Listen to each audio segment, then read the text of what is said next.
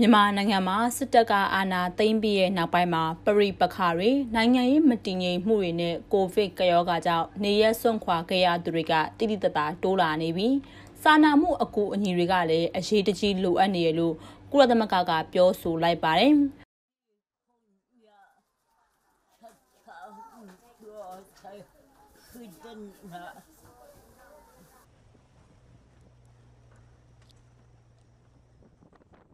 ဖေဖော်ဝါရီလ၁ရက်နေ့နောက်ပိုင်းမှာနေရက်စွန့်ခွာခဲ့ရသူအမျိုးသမီးအမျိုးသားနဲ့ကလေးအရေးအတွက်က2,34,600အထိစံချိန်တင်များပြားခဲ့ရလို့ UNHCR ကပြောဆိုလိုက်ပါတယ်။။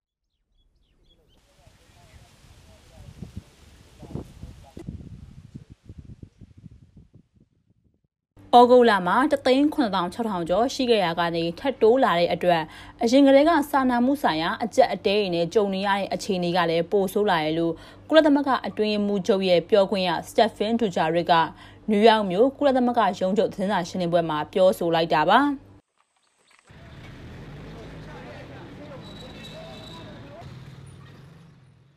ဒီနှစ်ဇန်ပိုင်းကစပြီးမြန်မာနိုင်ငံမှာအရေးပေါ်ကူညီတဲ့ကာကွယ်ဆောက်ရှောက်မှုတွေလိုအပ်တဲ့သူအရေးအတွက်က3တန်းကျော်ရှိနေရလို့လည်းပြောပါတယ်။မကြသေးခင်အပတ်ကစပြီးတိုက်ပွဲတွေပြင်းထန်လာတဲ့ချင်းပြည်နယ်မှာဆိုရင်လေနေရစွန့်ခွာထပ်ပြေးနေရပြီးစားနပ်ရိက္ခာနဲ့အကူအညီတွေကအရေးကြီးလိုအပ်နေတာကိုလည်းမြန်မာနိုင်ငံမှာရှိတဲ့ကုလသမဂ္ဂတာဝန်ရှိသူတွေကိုကိုးကားပြီးပြောဆိုခဲ့တာပါ။ ကုလသမဂ္ဂနဲ့အကူအညီပေးရေးအဖွဲ့အစည်းတွေကစာနာမှုအထောက်ပံ့တွေပေးအပ်ဖို့အဆင်သင့်ရှိနေပေမဲ့လည်းသွာလာရောက်ခွင့်ကလိုအပ်နေရလို့လည်းအတွင်းမှုချုပ်ရဲ့ပြောခွင့်ရကပြောဆိုလိုက်တာဖြစ်ပါတယ်။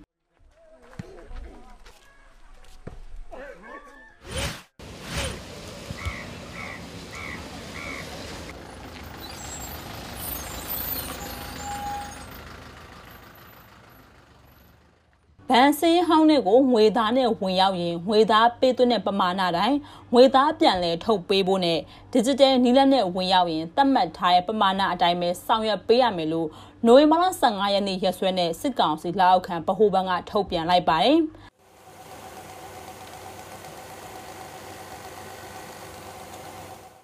ဘဏ်တွေကနေအခြေပစ္စည်းကုန်ပစ္စည်းနဲ့ဝန်ဆောင်မှုနဲ့အခြားငွေပေးချေမှုတွေအတွက်ငွေသားနဲ့ပဲဖြစ်စေစည်ရင်းပြောင်းတဲ့နီးလက်နဲ့ပဲဖြစ်စေ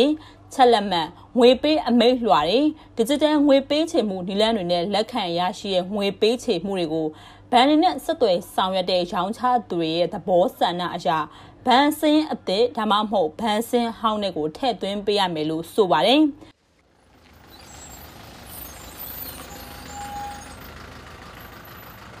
ဒါအပြင်ဘတ်စနစ်ကိုအခြေခံပြီးငွေသားစီမံခန့်ခွဲမှုတွေကောင်းမွန်စေဖို့ဆိုပြီးအစိုးရရဲ့ digital စီးပွားရေးအဆောက်အုံကိုအသွင်ကူးပြောင်းဆောင်ရွက်မှုလုပ်ငန်းစဉ်တွေပံ့ပိုးနိုင်ဖို့ငွေပေးချေမှုစနစ်တွေအဆင်ပြေချောမွေ့စေဖို့ဆောင်ရွက်နေတဲ့အတွက်ဗန်တွေအားလုံးကပူးပေါင်းဆောင်ရွက်ဖို့လိုအပ်တယ်ဆိုပြီးစစ်ကောင်စီလက်အောက်ခံဗဟိုဘဏ်ကထုတ်ပြန်လိုက်တာဖြစ်ပါတယ်။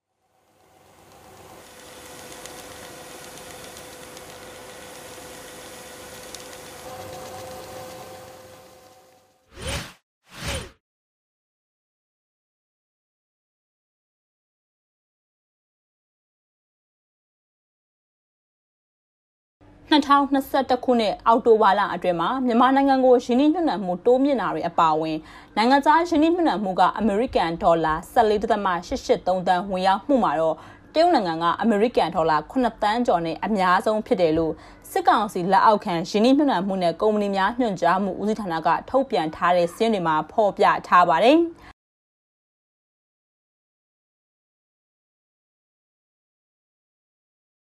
အော်တိုဘာလအတွင်းမှာနိုင်ငံအလိုက်နိုင်ငံခြားရင်းနှီးမြှုပ်နှံမှုဝင်ရောက်မှုအနေနဲ့တရုတ်နိုင်ငံကအမေရိကန်ဒေါ်လာ9.1တန်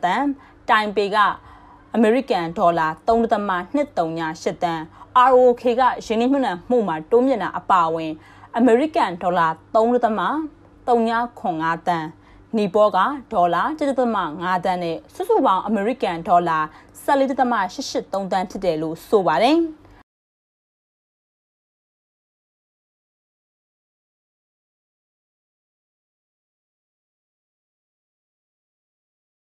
2020-2021ဘဏ္ဍာနှစ်ရဲ့အောက်တိုဘာလကနေစက်တင်ဘာလအကုန်ထိတော့မြန်မာနိုင်ငံကိုနိုင်ငံတကာကနိုင်ငံခြားရင်းနှီးမြှုပ်နှံမှုအမေရိကန်ဒေါ်လာ3.9ဘီလီယံဝင်ရောက်မှုမှာတော့ UK ကအမေရိကန်ဒေါ်လာ2.536ဘီလီယံကျော်နဲ့အများဆုံးဖြစ်တာကိုလည်းထုတ်ပြန်ထားပါတယ်။ ဒီထဲမှာဘရူနိုင်းကအမေရိကန်ဒေါ်လာ1.469တန်တရုတ်ကအမေရိကန်ဒေါ်လာ185.834တန်တိုင်ပေကတော့ဒေါ်လာ3.443တန် HK ကဒေါ်လာ17.138တန်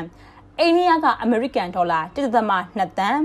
ဂျပန်ကအမေရိကန်ဒေါ်လာ918.6တန်ဗီယက်နမ်ကအမေရိကန်ဒေါ်လာ1.2တန်နဲ့စုစုပေါင်းအမေရိကန်ဒေါ်လာ 3991.398တန်းဝင်ရောက်ထားတယ်လို့လည်းသိရပါတယ်။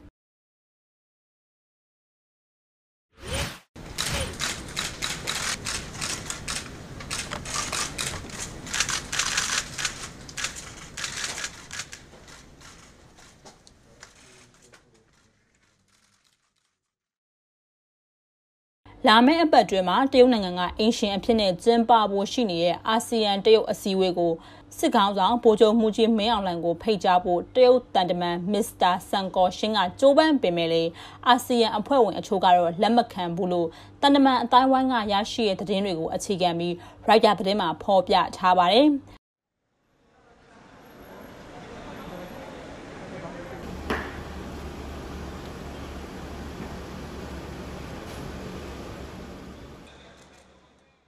အာဆီယံတရုတ်အစည်းအဝေးကိုလာမယ့်နိုဝင်ဘာလ22ရက်နေ့မှာတရုတ်သမ္မတရှီကျင်းဖင်ကိုရန်ကဦးဆောင်ပြီးကျင်းပမှာလည်းဖြစ်ပါတယ်။စစ်ကောင်စီခေါင်းဆောင်ကိုမဖိတ်ကြားဖို့အတွက်အင်ဒိုနီးရှား၊ဘရူနိုင်း၊မလေးရှားနဲ့စင်ကာပူနိုင်ငံတွေကကန့်ကွက်ခဲ့ရလို့ဆိုပါတယ်။ ကန့်ကွက်တဲ့နိုင်ငံတွေရဲ့မှာသူတို့အာဆီယံအစည်းအဝေးမှာဆုံးဖြတ်ခဲ့တဲ့အတိုင်းမြန်မာနိုင်ငံကိုဖိတ်ကြားတဲ့အခါမှာနိုင်ငံရေးအပိုင်းမဟုတ်တဲ့ပုံကိုတူကိုဖိတ်မယ်ဆိုတဲ့မူလအတိုင်းကိုပဲဆောင်ရွက်ဖို့အတွက်လိုလားနေရလို့သိရပါတယ်။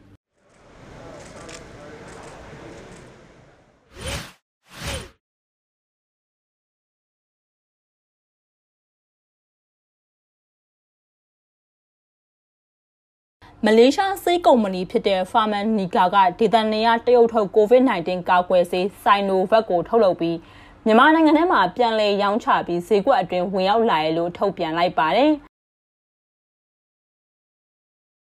ဒေသလိုက်ဖြစ်သွင်းထားတဲ့ကိုနာဗက်ဆိုင်နိုဗက်ကာကွယ်ဆေးအကြိမ်ရေနှစ်တန်းကိုအတုပ်လိုက်ပေးပို့မှာဖြစ်ပြီးဒီရဲ့လုပ်ငန်းခွဲဖြစ်တဲ့ EU ရဲ့အတိမတ်ပြုထားတဲ့အဆင့်မြင့်နည်းပညာသုံးစက်ရုံကနေထုတ်လုပ်ပေးနေရလို့ဆိုပါတယ်။ ဆေးဝါးကုမ္ပဏီ Sinovac နဲ့မလေးရှား Pharmanica တို့ကြားမှာ Coronavac Sinovac ကာကွယ်ဆေးကိုဖြည့်ဆွက်ပြီးအပိသက်လုပ်ငန်းစဉ်တွေအတွက်ပူးပေါင်းဆောင်ရွက်မှုဆိုင်ရာသဘောတူညီမှုတရက်အနေနဲ့ပြီးခဲ့တဲ့ဇန်နဝါရီလရဲ့မှာလက်မှတ်ရေးထိုးခဲ့ရလို့သိရပါတယ်။မလေးရှားမှာထုတ်လုပ်တဲ့ကိုနာဗက်ကာကွယ်ဆေးကိုမြန်မာ FDA ရဲ့ခွင့်ပြုချက်နဲ့ရန်ကုန်မြို့က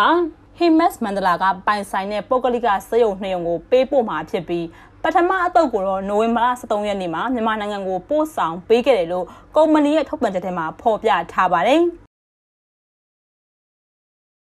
လက်ရှိမှာတော့ Pharmanica ဆေးကုမ္ပဏီကမလေးရှားနိုင်ငံကနေလူဦးရေ38.8ရာခိုင်နှုန်းအတွက် Sinovac COVID-19 ကာကွယ်ဆေး20.4တန်းကိုဖြန့်ဝေပေးထားရလို့လည်းထုတ်ပြန်ထားတာဖြစ်ပါတယ်။